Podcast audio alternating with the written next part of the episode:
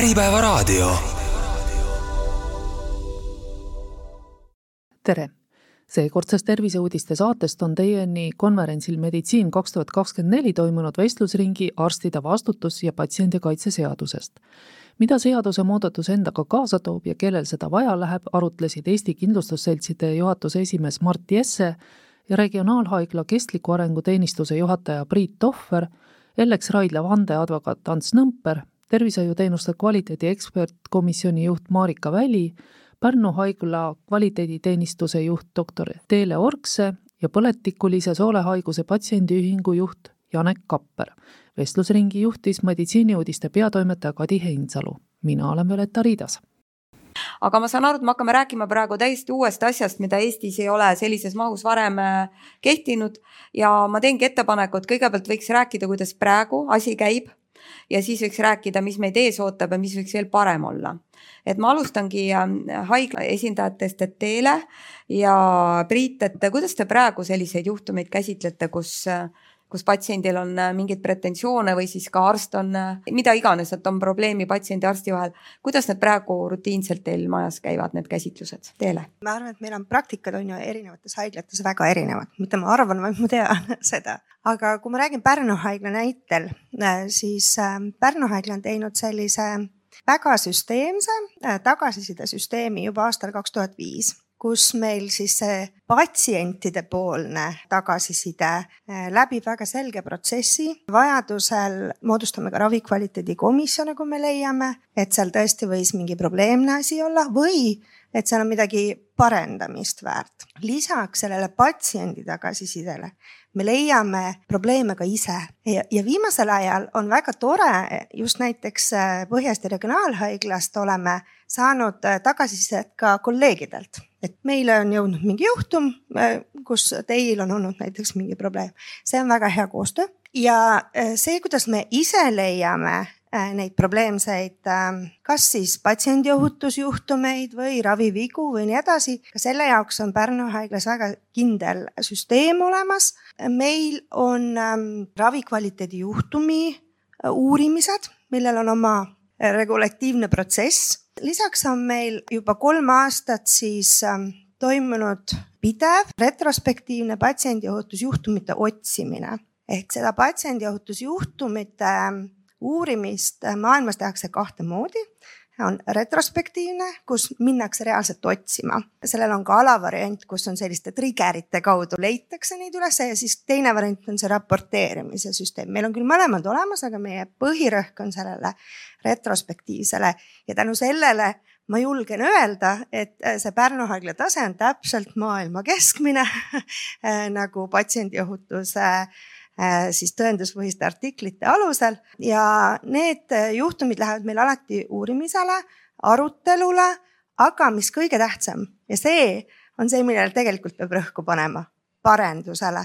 Ja meil on siis selleks ka loodud selline parendustegevuste andmebaas, kust me reaalselt viime ellu siis neid parendusprojekte, sest et äh, see niisama raporteerimine või vaatamine või arutamine ei vii mitte kuskile, tähtis on siis seda reaalset olukorda muuta. aitäh, kuidas on regionaalhaiglas? mina sain küsimusest aru, et kui täna tuleb tegelikult äh, mingisugune patsiendiohutusjuhtum menetlemisele, et kuidas see käib. ühest küljest ma arvan, et süsteem on sarnane, kui me räägime lihtsalt haigla sisemisest menetlusest. juhtumid jõuavad meile üldjuhul kahte teed pidi äh,. üks on see või noh, võib-olla kolme teed, üks on see ja kõige sagedasem on see, et töötaja ise raporteerib. ehk siis töötaja annab teada, selline juhtum on aset leidnud sellisel ajal ja sõltuvalt siis selle juhtumise raskusastmest ta läheb analüüsimiseks erinevate meetoditega. kui on ikkagi tõsine juhtum, siis vähemasti haiglaülesesse komiteesse aruteluks, kus tehakse järeldused ja kus tõepoolest tehakse ka juurpõhjuste analüüs ja sellest tulenevalt parendusmeetmete tegevuskava ja parendusmeetmete jälgimine.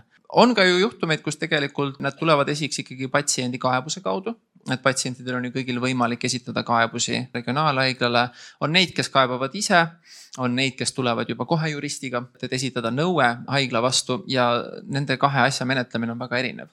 ehk siis, et kui seal juba kohe läheb juriidiliseks menetlemiseks, siis see läheb üht-teist pidi, kui tuleb lihtsalt patsiendi kaebus, siis me ikkagi ju suhtleme alguses vahetult patsiendiga ise, selgitame välja juhtumi asjaolud, anname seda tagasisidet patsiendile, mis meie vaatest juhtus ja, ja kas meie hindame seda kõike ennetatavaks või mitte. aga, aga igal juhul vahet ei ole, mis see teekond on, käib ikkagi ravijuhtumi analüüs ja kui ka tuleb, kui ka lõpuks jõustub tervishoiutöötaja, tervishoiuteenuse osutaja kohustuslik vastutuskindlustus, siis see osa jääb samaks. me alati jääme analüüsima Äh, oma patsiendi ohutusjuhtumeid. ja, ja kui me leiame, et siin siiski oleks saanud midagi teha teistmoodi, siis me ka jääme kehtestama sellele parendusmeetmeid. ja kui mitmest juhtumist me praegu räägime näiteks teie regionaalhaigla võtmes, kus tõesti tullakse juristiga või, või te näete ette, et see asi võib minna vot siis kas Marika välikomisjoni või siis Ants Nõmper kutsutakse. et kui palju, mis see suurusjärk on näiteks teie majas? no jällegi, siin on väga erinevad suurusjärgud, ehk siis noh, TKE-sse ehk siis Marika juurde. Eh, sinna võib isegi nagu mitu juhtumit nagu kuus aset leida, kus tuleb TKE-le esitatakse neid kaebuseid ja TKE väga tänuväärselt analüüsib neid kõiki, et kui me räägime nendest juhtumist, kus tullakse konkreetselt kahjunõudega, eh, siis need on ikkagi täna vähe et äh, see võib olla vähem kui korra kuus, võib selliseid asju olla, siis isegi võib-olla pikalt ei pruugi ühtegi olla. kui me räägime lihtsalt patsiendiohutusjuhtumitest ja mida ma tahan rõhutada, on see, et patsiendiohutusjuhtum ei ole raviviga, ei saa tõmmata võrdusmärki sinna juurde. kui me räägime lihtsalt patsiendiohutusjuhtumitest, kus patsient on saanud tervishoiuteenuse osutamise käigus kahju, olgu see ennetatav või mitte, siis neid juhtumeid on tegelikult äh, aasta jooksul tuhandetes. kui patsient näiteks saab ravimi koostoimel Äh, mingisuguse kõrvalmõju, see on ka kahjujuhtum, aga see ei pruugi olla ennetatav, sellepärast et sellisel, sest et tõenäoliselt need kaks ravimit on kirjutatud välja sellepärast, et need on vajalikud ja me oleme täielikult teadlikud, et siit võib tulla koostoime, aga me ei saa ka kumbagi ära jätta, sest sellest võib tulla veelgi suurem kahju. ja enne veel, kui ma annan Marikale sõna, siis Ants, et äkki saad anda lühikese kokkuvõtte nendest juhtumitest, mis ütleme, viimasel paaril aastal on just patsiendi kahjutasudega kohtus olnud või mis on nagu meelde jäänud või mis trendid on, et millega minnakse kohtusse ja kuidas on läinud seal äh, vastaspoolel raviasutusel? ja aitäh, et see on umbes nii, et võta kahe sõnaga Eesti meditsiin kokku. No äh, üritan. Et kui me vaatame, et kus need vaidlused tavaliselt tekivad, siis on selged trendid on kõigepealt see, et äh, kes maksab, see tahab ka mingisugust tulemust. Ehk et eraravis, kus ütleme hambaravi, esteetiline meditsiin ise makstakse, et ja kui ei saa tulemust, tahan vähemalt raha tagasi. kukutakse vaidlema, siis teine on eh, see, kus eh, võib-olla see, no meditsiinis tihti on lõpptulemus nagu raskesti mõõdetav, aga eriti keeruliseks läheb siis, kui seal on subjektiivne moment, et kas meeldib või ei meeldi. ehk et jällegi esteetiline meditsiin, hästi paljud saad, saab vaielda ja inimesed ka vaidlevad. ja, ja kolmas eh, mitte trend, aga kogu aeg on olnud on eh, need olukorrad, kus patsiendi ootused on väga kõrged, aga tulemus võib olla väga halb. ja eelkõige, kus meil on kõige suuremad lootused, lootused, sünnitusabi minnakse saama elutähtsat sündmust ja tullakse välja beebiga, kes võib-olla ei teadvusta mitte midagi. nii et eh, sünnitusabi on kolmas koht, kus on kõige rohkem vaidlusi. Marika Väli, et kuidas see komisjon praegu töötab, et äh, kas täistuuridel, kas hakkab juba vaikselt ähm, juhtumite arv vähenema, et te hakkate ju tegelikult seda asutust nii-öelda kokku pakkima mingis mõttes. et ähm, mis on selle aasta töö selles komisjonis olnud? ei, me hakka midagi kokku pakkima, ütleks nii. Me tavaliselt äh, lahendame või arutame neid juhtumeid üks kord kvartalis, aga viimasel ajal isegi sagedamini.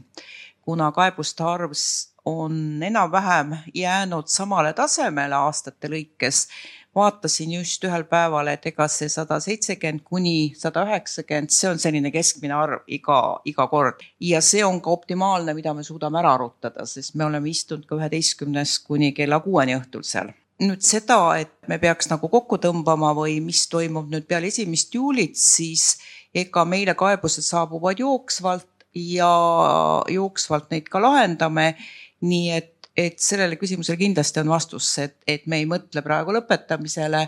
selles mõttes me mõtleme küll, et järgmine aasta saab selle komisjoni töö läbi, mis oli patsiendile loodud tasuta, see on talle tõesti tasuta. ta saab meie käest, ma julgen öelda siiski väga head tagasisidet. kas see alati teda rahuldab, noh, see oleneb patsiendist, ma olen Ants Nõmperiga nõus, et ootused on mõnikord suuremad ja ega siis neid vigu, kui ma ütlesin, et kui me tohime kasutada sõna viga, mulle üldse see sõna viga ei meeldi, siin on erinevad põhjused, mis, mis on toimunud.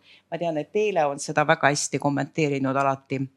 et saja seitsmekümnest, saja kaheksakümnest on sellised meie mõistes põhjendatud kaebusi olnud kuskil kolmkümmend, nelikümmend ja see on iga, iga kord, et kus tõesti me leiame, et on olnud mingi põhjus või on põhjendatud see patsiendi või viimasel ajal ka ütleks, et advokaadibüroode poolt saadetud kaebused, sest patsiendid viimasel ajal pöörduvad advokaadi poole ja siis siis saadab juba advokaadibüroo selle, selle kaebuse meile.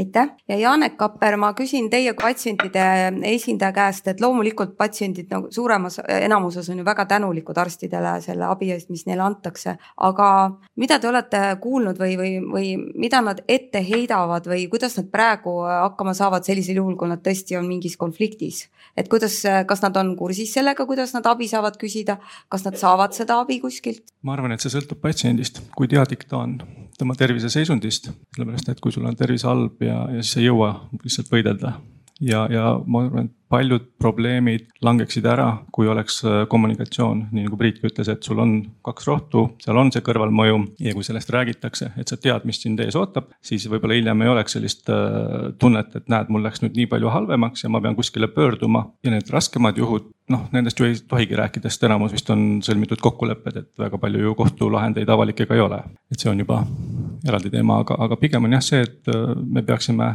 rohkem suhtlema ja rääkima, see on see teadlik patsient, et ta teab, mida oodata, sest iga operatsioon on ohtlik ja võib lõppeda, eks ole ju nii-öelda halvasti. ja Marika? ma väga tänan, et, et minu poolt ei kõlanud neid põhjuseid, aga kui ma peaks panema esimese põhjuse, ma olen neid asju kokku võtnud, ega see ei olegi lihtne, sest patsientidel on kõik erinevad põhjused, miks nad kirjutavad selle, selle kaebuse või küsivad meie hinnangut, ega kõik ei olegi kaebus, ta küsib, et palun andke hinnang, kas see konkreetne tervishoiuteenus oli siis selline, nagu peaks olema. ja ma asetaks ka esikohale suhtluse, et kui Eesti arstid mõtleksid mõnikord, et patsient tegelikult tahaks teada võib-olla natukene rohkem, kui, kui nemad mõtlevad, et ta peaks teadma. teiseks, mida ma olen ka püüdnud viienda kursi arstitudengitele seletada, et pigem Äh, seletage laiemalt, kas nüüd sellesama ühe meetodi või ühes sellesama kirurgilise operatsiooni kirjeldus on piisav see, et patsient saaks aru, sest noh, arst peaks jätma endale sellise laiema taganemistee, pigem siis tõesti seletada rohkem.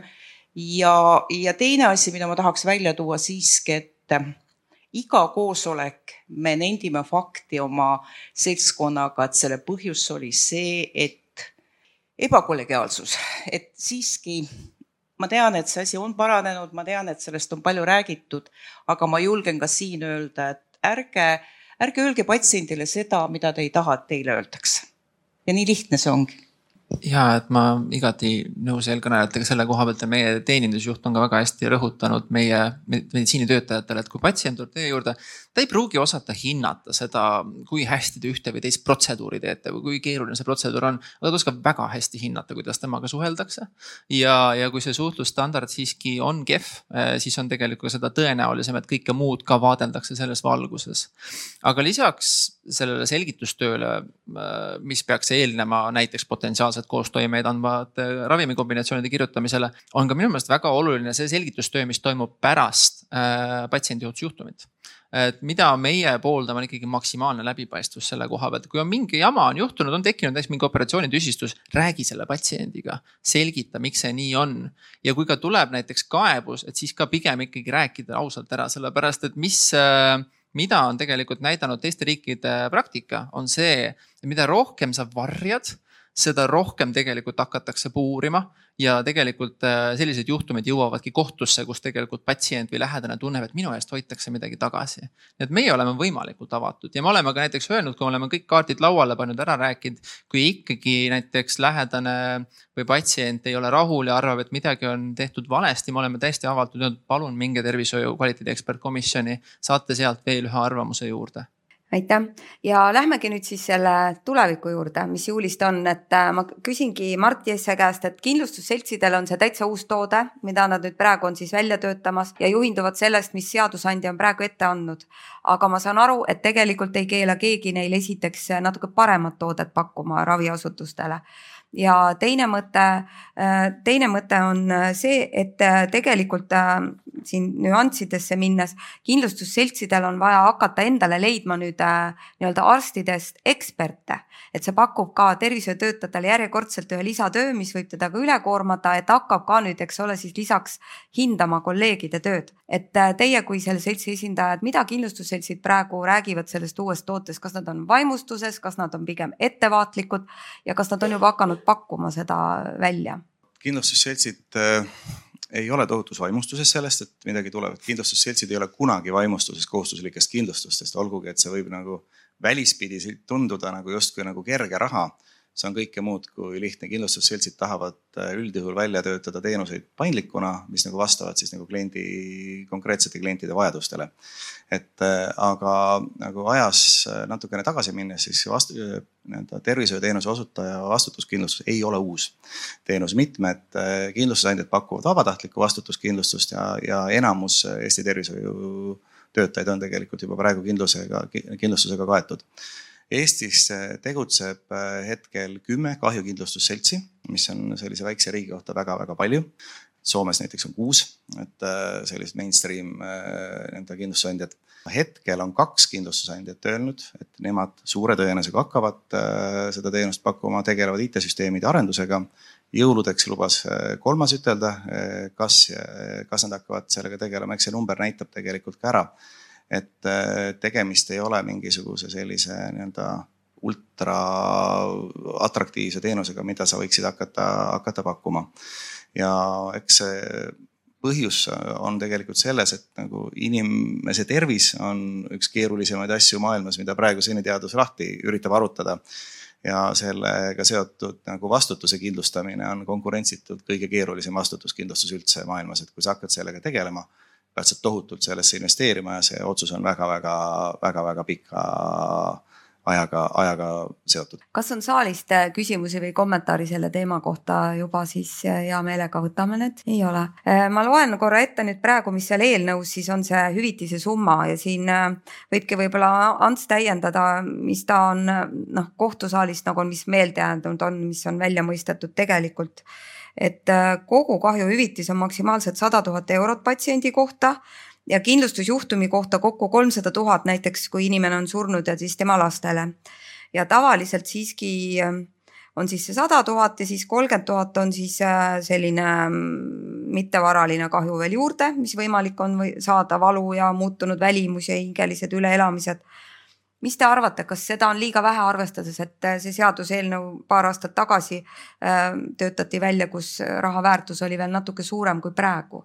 kas see võib tähendada, et äh, tegelikult minnakse nende asjadega ikkagi edasi kohtusse, kes tahab arvata?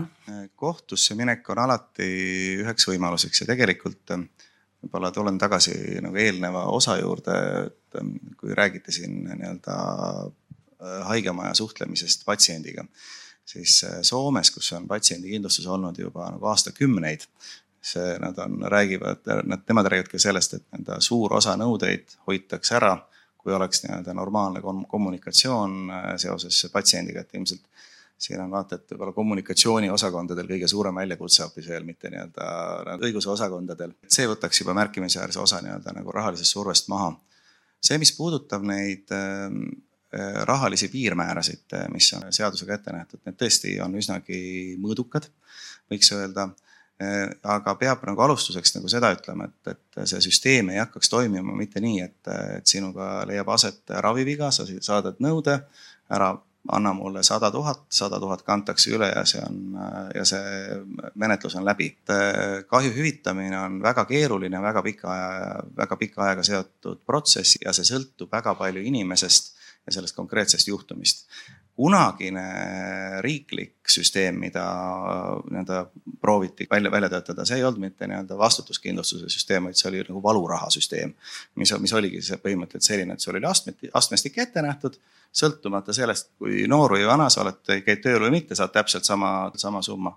vastutuskindlustus olemuslikult ei, ei toimi nii ja see sõltub sellest, kui sa käid nii-öelda tööl ja sa nii-öelda osutud nii-öelda mõnda aega töövõimetuks, siis hüvitatakse sulle saamata jäänud tulu selle perioodist, näiteks kui sa oled pensionär, sinu sissetulek ei sõltu tööl käimisest, seda ei ole vaja hüvitada.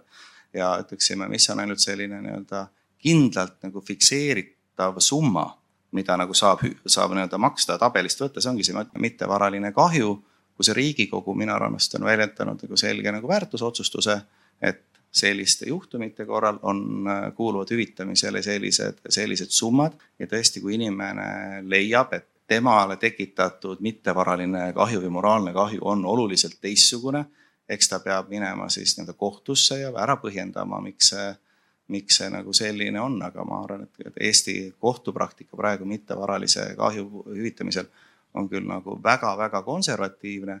Ja sellest saab nagu Eesti kohtusüsteem väga täpselt aru et kui sa need summad äh, ajad suureks, siis äh, tagasiteed sealt enam ei ole ja on ainult üks äh, seltskond, kes sellest võidab ja need on advokaadid. nii see on, et vot kui me võtame näiteks Anglo-Ameerika näidet ja eks Eestis on ka paar advokaati, ma ei räägi siinkohal Ants, Antsust nii-öelda.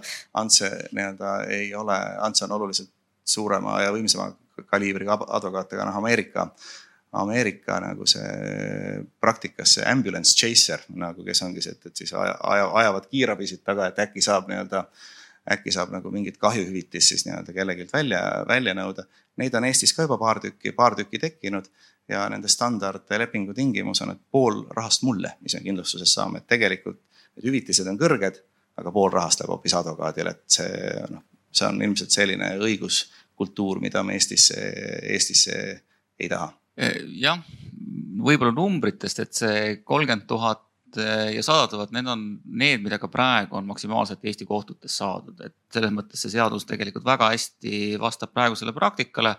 loomulikult võiks ju neid tõsta, on ju, aga see omakorda toob kaasa selle, et siis ka kindlustusandjad tõstavad oma numbreid ja pealegi me veel isegi ei tea, kui palju kindlustusandja selle toote eest hakkab raha saama. ma ei tahaks olla küll ühegi haiglajuhi nahas, et äh, järgmise aasta eelarve on ikka lahti osaliselt, et äh, noh, me räägime sellest kõige suuremast otsast, on ju, aga räägime siis sellest väiksest otsast.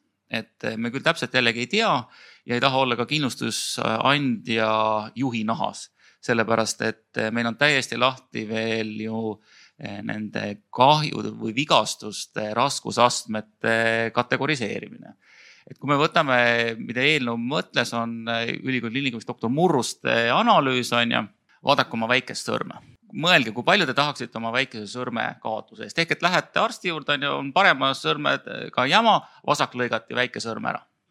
raviviga, on ju, et viga oli halb sõna, aga on raviviga, ütleme niimoodi. ja palju siis süsteem peaks maksma sellele inimesele? Ja nüüd, kui kõik läheb nii, nagu eelnõus on kavas, siis pange kokku oma nimetissõrm ja pöial ja see kujund ütleb teile, kui palju te saate. ehk et mitte midagi mitte midagi, nojah, siis äh, tähendab, et ikkagi kohtud äh, saavad seda edasi teha, seda tööd see on, see on täiesti kindel, ütleme, ma arvan, et äh, Vabariigi Valitsus tegelikult on minu arust praegu täpselt samas seisus, kus oleks kindlustussektor võib-olla viie või kümne aasta pärast, kui need hüvitised aetakse väga suureks. aastate eest aeti meil toetused väga kõrgeks, nii-öelda tahtsime maailmameistriteks saada erinevates nagu toetuse, toetuse kategooriates. praegu tulubaas väheneb ja me oleme lõhkise küna ees, juristidel on väga palju ilusaid sõnu selle kohta, miks neid ei saa vähendada, õigustatud ootused, õiguskindlus ja nii edasi ja nii edasi. aga kuskilt peab see raha tulema. et eh, kindlustusandjad võivad iga nimetissõrme kohta piltlikult hüvitada ka miljon eurot aga see miljon eurot kuidagi väljendub siis nagu arvetes, mis saadetakse haigemajadele ja haigemajad äh, peavad omakorda need arved edasi saatma siis kas patsientidele või patsientidele või kindlustustele ja nagu tulen tagasi selle juurde et, et viiskümmend protsenti sellest nii-öelda nagu liikuvast rahast ei, ei pruugi maanduda nii-öelda meditsiinisüsteemis aga ma küsingi siis nüüd äh, Pärnu ja Mustamäe, Mustamäel asuva haigla esindajate käest, et aga kas te nagu tahate seda kindlustust, kui oleks valida, et noh, et seda seadust nagu tuleb või ei tule, et on seda vaja teil üldse või saate te samamoodi, teil on head süsteemid, te saate erijuhtumid lahendatud. kellele seda vaja on teie võtmes? mina olen tervishoiu kvaliteedi ekspert, et äh, ma tegelikult ei taha üldse kindlustuse teemas sõna võtta, aga ja ma arvan, et ka see tänane vestlus äh, demonstreerib väga hästi seda, kuidas me oleme hakanud nüüd patsiendi ohutusest rääkima tänu selle seaduse vastuvõtmisele. ehk ehm, selles suhtes mu vastus võiks väga lihtsalt olla jah, on vaja, sellepärast et tänu sellele lõpuks nagu teema kerkis ülesse äh, aga ma tegelikult noh, sellele küsimusele rohkem vastata ei taha, muidu ma võiksin sellel teemal äh, edasi filosofeerida ähm,. ma kirjutan kahe käega alla sellele, mida te ütlesite, et ma ei ole kindlustusekspert ja selles mõttes ei taha ka kindlustuse teemal väga sõna võtta, aga mis on selle seadusemuudatuse juures äh, kindlasti väga oluline ja mida ma väga toetan äh, haigla kvaliteeditöötajana, on just see, millele ka viitas Neeme Tõnisson ehk siis kriminaalkorras vastutusest vabastamine näiteks, patsiendiohutus, arutelude parem kaitsmine. kõik need asjad, mis soodustavad seda, et meie ravisüsteemis julgeme rääkida ravivigadest ja et meil on ka mingisugused stiimulid raporteerida patsiendi ohutusjuhtumeid, see, ma arvan, loob tohutut kasu. sellepärast, et noh, mida me ju tahame patsiendi ohutuses, me tahame, et patsiendid oleks ohutum, ei, see ei ole, patsiendi ohutuse süsteemi mõte ei ole, et inimesed saaksid tohutult suuri hüvitisi, see on pigem vajalik selle juures, aga, aga patsiendi ohutussüsteemi mõte on, et patsiendil oleks ohutum. me ei saa midagi ohutumaks teha, kui ravi ka seotud kahjujuhtumid ei tule ilmsiks, kui me nendest ei räägi. ja see ei ole mitte ainult haigla protsesside parendamine, see on ka tervishoiutöötaja kaitsmine. sellepärast, et seda on uuringud korduvalt näidanud, et kui keegi on seotud päriselt raviveaga, siis see süü ja ärevuse tsükkel jääb ketrama selle hetkeni, kuni tal on võimalik rääkida sellest teemast. aga kui on oht, et ta näiteks isiklikult võetakse kriminaalkorras vastutusele selle eest või ei ole seda positiivset patsiendi ohutuskultuuri, on väga suur tõenäosus, et ta pigem üritab seda varjata. ja, Maie ma arvan, et Ants Nõmper kindlasti mäletab seda. üks eesmärk oli ju see, et kohtu case'e vähendada. ja kui me täna oleme siia jõudnud, et te räägite, okei okay,, kriminaalkohtusse ei lähe, eks ole, kriminaalasju ei ole, aga ega see tsiviilkohus parem ei ole. ja kui me täna räägime, et, et noh, et patsient võib kohtusse minna siis noh, mina küll näen siin päris ohtu, et mis siis nendest case idest hakkab tulema, kui, kui patsient ei ole selle summaga rahul, siis ma saan aru, et ta võib ju kohtusse minna, ta tahaks võib-olla rohkem. et mina väga soovitan, et seal oleks ikkagi väga mõistlikud piirid ja mõistlikul, noh, see ei saa olla üks summa, et ühe sõrmest eh, viis eurot või sada eurot, eks, vaid noh, et mingid piirid ja ja teine asi, et ma väga soovitan kindlustusfirmadel, ma ei tea, kuidas te olete plaaninud seda, aga see komisjon, kes nüüd, teile peab ju keegi meedikute komisjon või seltskond ütlema midagi, eks ole, te ei suuda ise seda lahendada. see peab olema esiteks neutraalne, te ei saa küsida sama erialaseltsilt, see patsient läheb kohe kaebab kohtusse, sest siin on noh, tal on õigus tegelikult, ta ei usu seda, et see on objektiivne. ja noh, see peab olema läbinähtav ja veel kord ma näen selles komisjonis, kuidas me eh, suhtleme patsientidega kolm-neli korda. kui minule kunagi ütles sotsiaalminister Hanno Pevkur, et ah, mis see sul on siis, korra käid kvartalis Sotsiaalministeeriumis ja nii see on. teate, see on võtnud minult juba terve ühe käe kindlasti, kui mitte ka teist kätt, sest kes suhtleb patsiendiga, patsiendil on lisaküsimusi ja see kõik ju keegi peab seda tegema, nii et, et pigem ma soovitan need asjad teha nii läbipaistvaks ja nii selgeks, et nad ei pöörduks sinna kohtusse. Teele ja siis on Antsu, Antsule ka ja siis jah. Ma, ma tahan natukene omaenda eelmist äh, sõnavõttu äh, täpsustada ja ma arvan, et see on hästi-hästi oluline siin saalil aru saada sellest, sest ma näen, et sellest ei saa aru arstid, haiglajuhid ja isegi mõned kvaliteedijuhid, et vastutuskindlustuse seaduse vastuvõtmine ei ole olnud patsiendiohutuse seaduse vastuvõtmine, et nende vahele ei saa ja ei tohi mitte mingil juhul panna äh, võrdusmärki. Äh, täpselt ainult see, ainukene kasu on see kriminaalvastutuse äravõtt patsiendiohutuse jaoks ja lihtsalt see, et nüüd äh, need haiglad ja ka muud tervishoiuteenuse osutajad, kes siiamaani pole üldse mõelnud patsiendiohutuse peale süsteemselt loomulikult iga päev iga töötaja ikka mõtleb patsiendiohutuse peale, võib-olla mitte seda niimoodi sõnastades, aga oma tööd äh, pühendunult tehes ikka mõtleb selle peale. siis äh, nüüd nendel asutustel lihtsalt tekib teatud kohustus teatud üksikuid tegevusi teha. aga sellest tuleb aru saada, et see vastutuskindlustuse seadus ei ole patsiendiohutuse seadus ja me ei tohi seda arusaama levitada jah, kui me nüüd äh, täpselt mõtleme, siis jah, kriminaalvastutus äh, arstidel on peaaegu nüüd välistatud ja ka tegelikult tsiviilvastutus, et äkki me saime sellest isiklikust vastutusest lahti, mis ilmselt tõesti aitab kaasa sellega, et me saame ausamalt ja kiiremini rääkida nendest probleemidest. aga kui nüüd küsida, et kas siis kohtuasjad jätkuvad, ma arvan, et väga nad ei jätku, et põhjusi mitu, kui me vaatame välismaale, Soomes ka väga harva minnakse, pigem lepitakse selle rahaga, mida saab süsteemist, mitte ei minda kohtusse ma arvan, ka Eesti patsient on ratsionaalne, et pigem see pool muna kohe kätte kui tühi koor seal äh, kohtuhoone katusel. ja, ja, ja kolmas põhjus, miks ma niimoodi arvan, on see, et me oleme väga leplik rahvas. kolmkümmend tuhat saada on kolm korda rohkem, kui seesama diagnoos äh, saadakse liiklusõnnetuses. Äh, tõsi, liikluskindlustuse see tabel, mis, mille tipus ongi kümme tuhat eurot, et see on soovituslik tabel aga noh, soovitus kipub äh, muutuma tavaks. summad ongi liikluskindlustuse baasil tegelikult sinna, sinna võetud, et rääkides nii-öelda sellest, et kas kindlustust on vaja. PERH-il ei ole kindlustust vaja, kliinikumil ei ole kindlustust suure tõenäosusega vaja, need on nii rikas asutused. Nad võivad oma jooksvast kassavoost selle kinni maksta ilma igasuguse küsimuseta et seda kindlustust on vaja pigem ennekõike väiksematel tervishoiuteenuse osutajatel kes satuksid tõsite, tõsistesse raskustesse, kui nad kohtusse jõuaksid. et nad lihtsalt maandavad omaenda majanduslikke riske läbi, läbi selle ja toovad muidugi ka siis selle kaasa, et äkki nagu see ravivigade info hakkab jõudma riiklikusse andmebaasi ühel hetkel ja ei toimu mitte, toimu mitte varemini, et see on see, see on see taust ja rääkides tegelikust, tegelikult siis nii-öelda nagu nõuete esitamisest, millest Marika nii-öelda rääkis. eks kindlustusandjad võtavad äh, kindlasti üle teatud sellise kommunikatsiooniosakonna rolli, mida praegu siis äh, tervishoiuteenuse osutajad ise peavad äh, täitma. ja, ja sellest, seda räägib tegelikult Soome kogemus.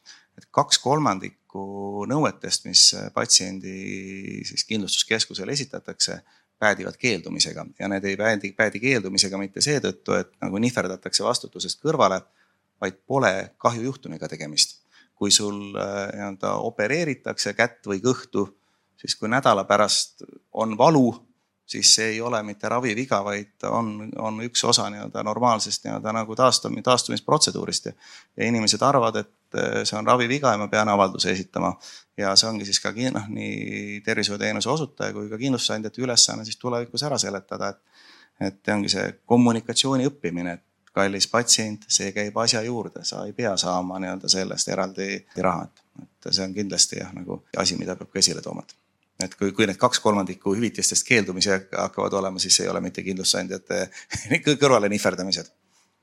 Kas on saalist tulnud küsimusi äh, selle teema kohta, mõni erakliiniku juht, kes ka peab, erakliinikuid ju puudutab see ka, väikesi perearstikeskuseid, kes dividende võtavad ja kõiki, kes praegu ilmselt ei kindlusta ennast ei ole praegu, ma korra pööran äh, teema sellise võib-olla natukene nüansi peale, aga, aga mind huvitab see, et äh, mida hakkab kujutama endasse patsiendiohutuse andmekogu. et praegu ju haiglad ilmselt teevad seda ise, väiksed ei tee midagi. et kui suur usk on teil sellesse, kas teie süsteemid ühilduvad, et te saate hopsti oma andmed siis äh, sinna üle kanda või hakkab see nullist tiksuma? Priiduga naerame üksteise me loome seda hetkel me oleme mõlemad Priiduga selles töörühmas. mina arvan, et meil tuleb maailma parim patsiendi otsa andmekogu, päriselt arvan nii, sest äh, me oleme võtnud äh, arvesse maailma kõige uuemad patsiendiohutuse teadmised ja maailma kõige uuemad äh, siis IT-teadmised. Et äh, paar aastat tagasi ma siin äh, meditsiini samal konverentsil äh, tõin ühe slaidishow, kus ma näitasin Tšeki raamatut ja ainukene inimene saalis, kellel Tšeki raamat oli kunagi olnud, oli Peep Talving, sellepärast et ta elas Ameerika Ühendriikides sellel ajal. Ja kuidas meil ei ole. Ja neid patsiendiohutuse raporteerimissüsteeme hakati looma kahe tuhandendate alguses maailmas tegelikult juba aastaks kaks tuhat üheksa äh, tulid esimesed raportid välja, teadusanalüüsid välja, mis näitasid, et need on suhteliselt nagu ebamõistlikud. nendest ei saa palju kasu ja seal on oma nüansid, miks see nii on ja üks põhjus on see, et et äh, nendes organisatsioonides, kus suudetakse väga hästi raporteerida, väga hästi raporteerida äh,, suudetakse siis ära raporteerida kuni viisteist protsenti tegelikult patsiendiohutusjuhtumitest, kuni viisteist protsenti, aga sellisel juhul ei jõuta neid enam menetleda. ehk noh, ma toon näite Pärnu haigla lihtsalt teenuste mahu juures, meil peaks olema kuskil viiskümmend tuhat nelikümmend kuni viiskümmend tuhat patsiendiohutusjuhtumit aastas. noh, mitte elu sees, me ei jõua neid ära menetleda, on ju, või kõikide kohta läbi uurida ja meil pole ka seda vaja. ja nüüd see, mida me siin Eestis üheskoos töörühmaga teeme, kus me näiteks Priiduga mõlemad oleme võtab seda teadmist arvesse ja riigile, siis Terviseametile tuleb uus äh, osakond või noh, mingi üksusekene, kes siis äh, hakkab selle andmekoguga tegelema ja sinna lähevad ikkagi need kõige tõsisemad juhtumid äh, esialgu, mis tulevikus võib asi muutuda. ja me ikkagi, me loome ühist patsiendiohutusjuhtumite loendit ehk et, et kõik tervishoiuasutused äh, samade mm, siis äh, standardite alusel seda raporteeriksid. me kindlasti ei jõua esimeseks juuliks valmis tervishoiuteenuse osutajate poolt, suurte haiglate poolt, aga, aga riik äh, ilmselt jõuab oma sellise iseteenindusportaali selleks ajaks ilusasti valmis. ehk mina vaatan sellele väga positiivselt hetkel, aga palju suurem probleem kui see andmekogu ise ja sellele ma ei vaata üldse nii positiivselt, on see, et äh, meil ei osata neid raporteerida.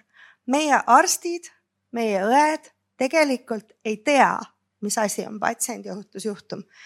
meil äh, puudub selleks koolitus äh, ja meil tegelikult ei ole ka kultuur, patsiendiohutuse kultuur selleks veel valmis.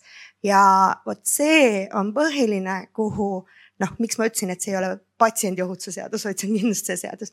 et, et, et seda poolt meil ei ole ja see on see, kuhu me nüüd tulevikus edasi peame vaatama, et me koolitaksime patsiendiohutust äh, ja et me äh, reaalsete mõõdetavate meetmetega äh, kutsuksime esile mm, kultuurimuutust et ähm, sellest patsiendiootuse andmekogust, äh, mida veel küll ei eksisteeri, on juba kasu olnud. ehk siis see kasu ongi selles, et me liigume nüüd selles suunas, et me raporteerime patsiendiohutusjuhtumeid vähemasti sama standardi alusel. ja, ja sellel ei ole kasu mitte ainult riigiüleselt, vaid ka tegelikult haiglas sees, et meil täna ongi sisuliselt kaks süsteemi, meil on justkui nagu patsiendiohutusjuhtumid ja siis meil on äh, operatsioonijärgsed tüsistused, aga nad on tegelikult kõik patsiendiohutusjuhtumid. ja me oleme nüüd lõpuks siis nagu seda klassifikaatorit ühtlustamas et, et oleks tõesti võimalik paremini raporteerida ja selle, selle läbi ka rääkida patsiendi ohutusest. Mis nüüd aga puudutab seda, et kas me, kas see andmekogu, mida luuakse keskselt, võimaldab meil ka näiteks õppida õppida äh, ohutusjuhtumis, analüüsida, selle osas mina olen skeptiline täna. et me võime selle andmekogu hästi üles ehitada, aga lõppkokkuvõttes on oluline, kes seal teises otsas seda asja ka analüüsib. kui palju jõudu temal on ja mina olen aru saanud täna, et see on üks inimene, et, et selles mõttes mul natu-, natukene olen äraootaval seisukohal, et kas me sealt ka mingisugust õppimise jaoks kasulikku teavet saame ja, ja, ja teine väike hirm on mul tõesti see, mida Teile ütles, et see andmekogu on täpselt nii hea, kui on need raportid, mis sinna hakkavad sisse minema. ja mida UK kogemus on ka näidanud, on see, et enamus juhtumid, mis jõuavad kesksesse andmekogusse, ei ole väga hästi menetletud, on suhteliselt lakoonilised. kui on vaja vaadata, et kas patsiendi ohutusjuhtum on raporteeritud ja olemas on ju kriminaalvastutusest on võimalik vabastada, aga et kas see raport on ka nii hea, et sealt on võimalik mingisuguseid järeldusi teha, see ei pruugi olla aga ma küsin, et kui praegu noh, üksikpraksisega perearst, tal on mingi olukord, et äh, siis äh, tema ilmselt ei oska kuhugi praegu raporteerida ja praegu ka ei raporteeri. selles mõttes mitte äh, ta ei raporteeri jah, aga see loodav süsteem siis võimaldabki, et kui suured haiglad, meie, meiesugused, meie teeme oma infosüsteemid, siis ka need paari äh, arstiga või koduõendus või kodusünnitus või kõik sellised väikesed teenuseosutajad saavad selle riigiportaali kaudu siis hakata raporteerima. aga me tegelikult äh, teatud juhtumeid äh, juba raporteerime aastakümneid riigisüsteemis, mis puudutab, mis lähevad ravimiseaduse alla või vereseaduse alla või, äh, või ma ei tea, kiirgusseadus. noh, et, et, et tegelikult äh, teatud juhtumeid me juba raporteerime muude süsteemide kaudu. et noh, see päris null ei saa sellele vastata, aga, aga jah, süsteemne see ei ole ma küsin Janekilt korra, et kui palju äh, patsiendid üldse teavad sellest uuest muutusest, et nad saavad hakata kuidagi teistmoodi asju teatama või, või neil on mingeid justkui õigusi juurde tulnud, et ähm, kas see kommunikatsioon praegu pool aastat enne seda seadust on piisavalt äh, jõudnud nendeni? ma ei julge sellele vastata kõigi eest, aga me arvan, kõik oleme ju teles näinud, et äh, mingid uudised on tulnud ja, ja kes on huvitunud, see on ise juurde lugenud, et isegi lugesin seadust ja püüdsin aru saada. aga nagu paljude teiste asjadega, et pigem on nii, et tehakse mingi asi ära ja siis pärast vaadatakse, oi, aga et ähm, kasutusjuhend jäi loomata või õpetus tegemata. et kuidas seda päriselt ära kasutada. aga see seaduse äh, mõte, ma siin eelkõnejatega äh, nõustun, et, et see dokumenteerimiskohustus on sama osa nagu rääkimine, selgitamine, et kui, kui see läheb paremaks ja see tegelikult äh, on kättesaadav näiteks digiloos, siis täna ju sinna tuleb, eks ole, mingi väikene epikriisi jupp. et see võib-olla aitab ka kaasa, et me ei pöördu alati, vaid me juba saame sealt selle info kätte. ja kui me ise ei oska lugeda, siis ma alati saan pöörduda naabrimehe juurde või, või, või peretuttava juurde, et kuule, ole hea, vaata. sest inimesed ei karda jagada oma andmeid, sest me tegelikult ju jagame neid iga päev sotsiaalmeedias, Google'is ja ma tahtsin lihtsalt öelda, et äh, WHO poolt siis äh, viiendat aastat järjest on siis määratud selline patsiendiohutuse aasta ja siis praegune iga aasta algab siis septembris. äh, seitseteist september on patsiendiohutuse päev ja sellel aastal siis see patsiendiohutuse päev oligi pühendatud just, et äh, patsiendid patsiendiohutuse nimel ja meil tegelikult õige mitmeid selliseid sündmusi ka oli erinevate patsiendiohutu-, äh, patsiendiorganisatsioonidega, haiglate patsientide nõukodadega ja nii edasi ja loodame märtsis veel lisakampaaniat haiglate poolt teha just sellel teemal ja siis ma küsin veel selle lepituskomisjoni kohta, mis siis Terviseameti juures hakkab käima ja see ongi ikkagi see, et, et, et siis Marika ju seda teist komisjoni jah, teie. ja siis, meie komisjon lõpetab töö esimene juuli. ja, ja siis hakkab lepituskomisjon. selgitage hästi lühidalt, mis siis see lepi-, lepituskomisjon teeb? ja ma saan aru, et tema võib määratagi need summasid ja nende summadega võibki siis rahaga varustatud patsient minna edasi kohtusse, kui tal on liiga vähe.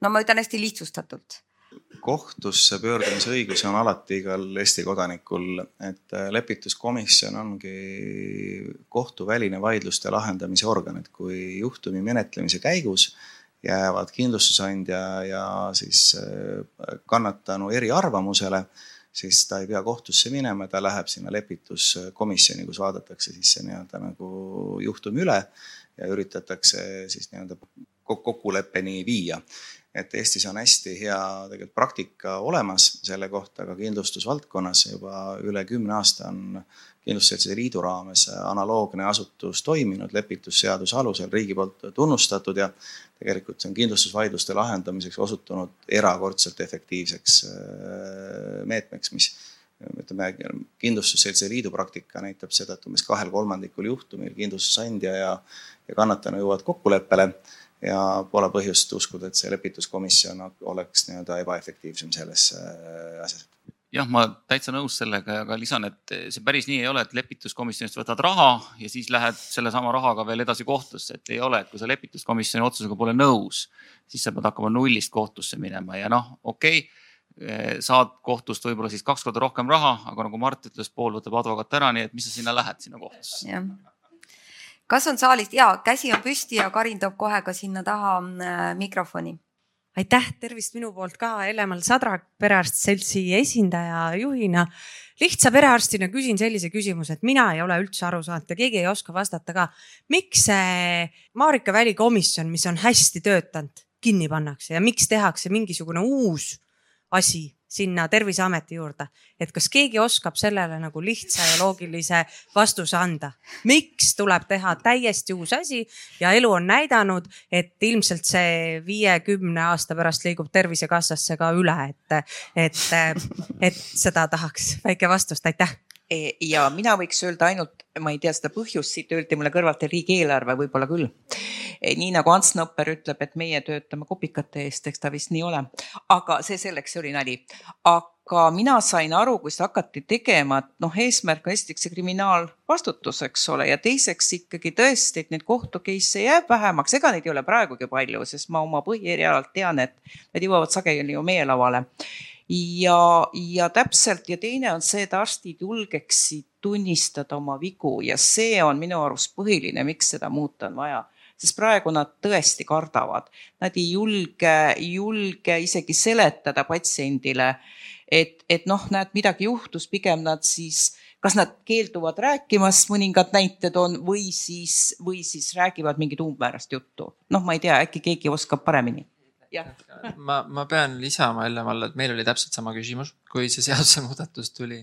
ja mina küll ei usu, et me mõnele uuele komisjonile julgeme rohkem neid asju kuidagi tunnistada, et pigem TKE-ga on nagu hea kogemus juba olemas ja, ja usaldust ka juba loodud päris palju. meie jaoks, meil, meil oli sama küsimus, et tekkis nagu küsimus, et tegelikult TKE meie vaatest toimib äh, ja, ja pigem on nagu see hirm, et mis siis see uus komisjon olema saab, et kuidas siis hakkavad asjad käima selline põnev kuulamine siis seekordses Terviseuudiste saates. tõin teieni konverentsil Meditsiin kaks tuhat kakskümmend neli toimunud vestlusringi arstide vastutus ja patsiendikaitse seadusest.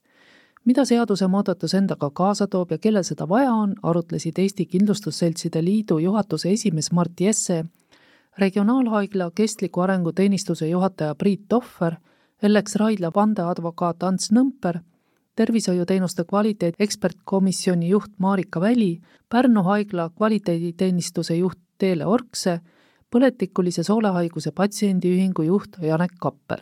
vestlusringi juhtis meditsiiniuudiste peatoimetaja Kadi Heinsalu. saate toimetas Violeta Riidas. aitäh kuulamast!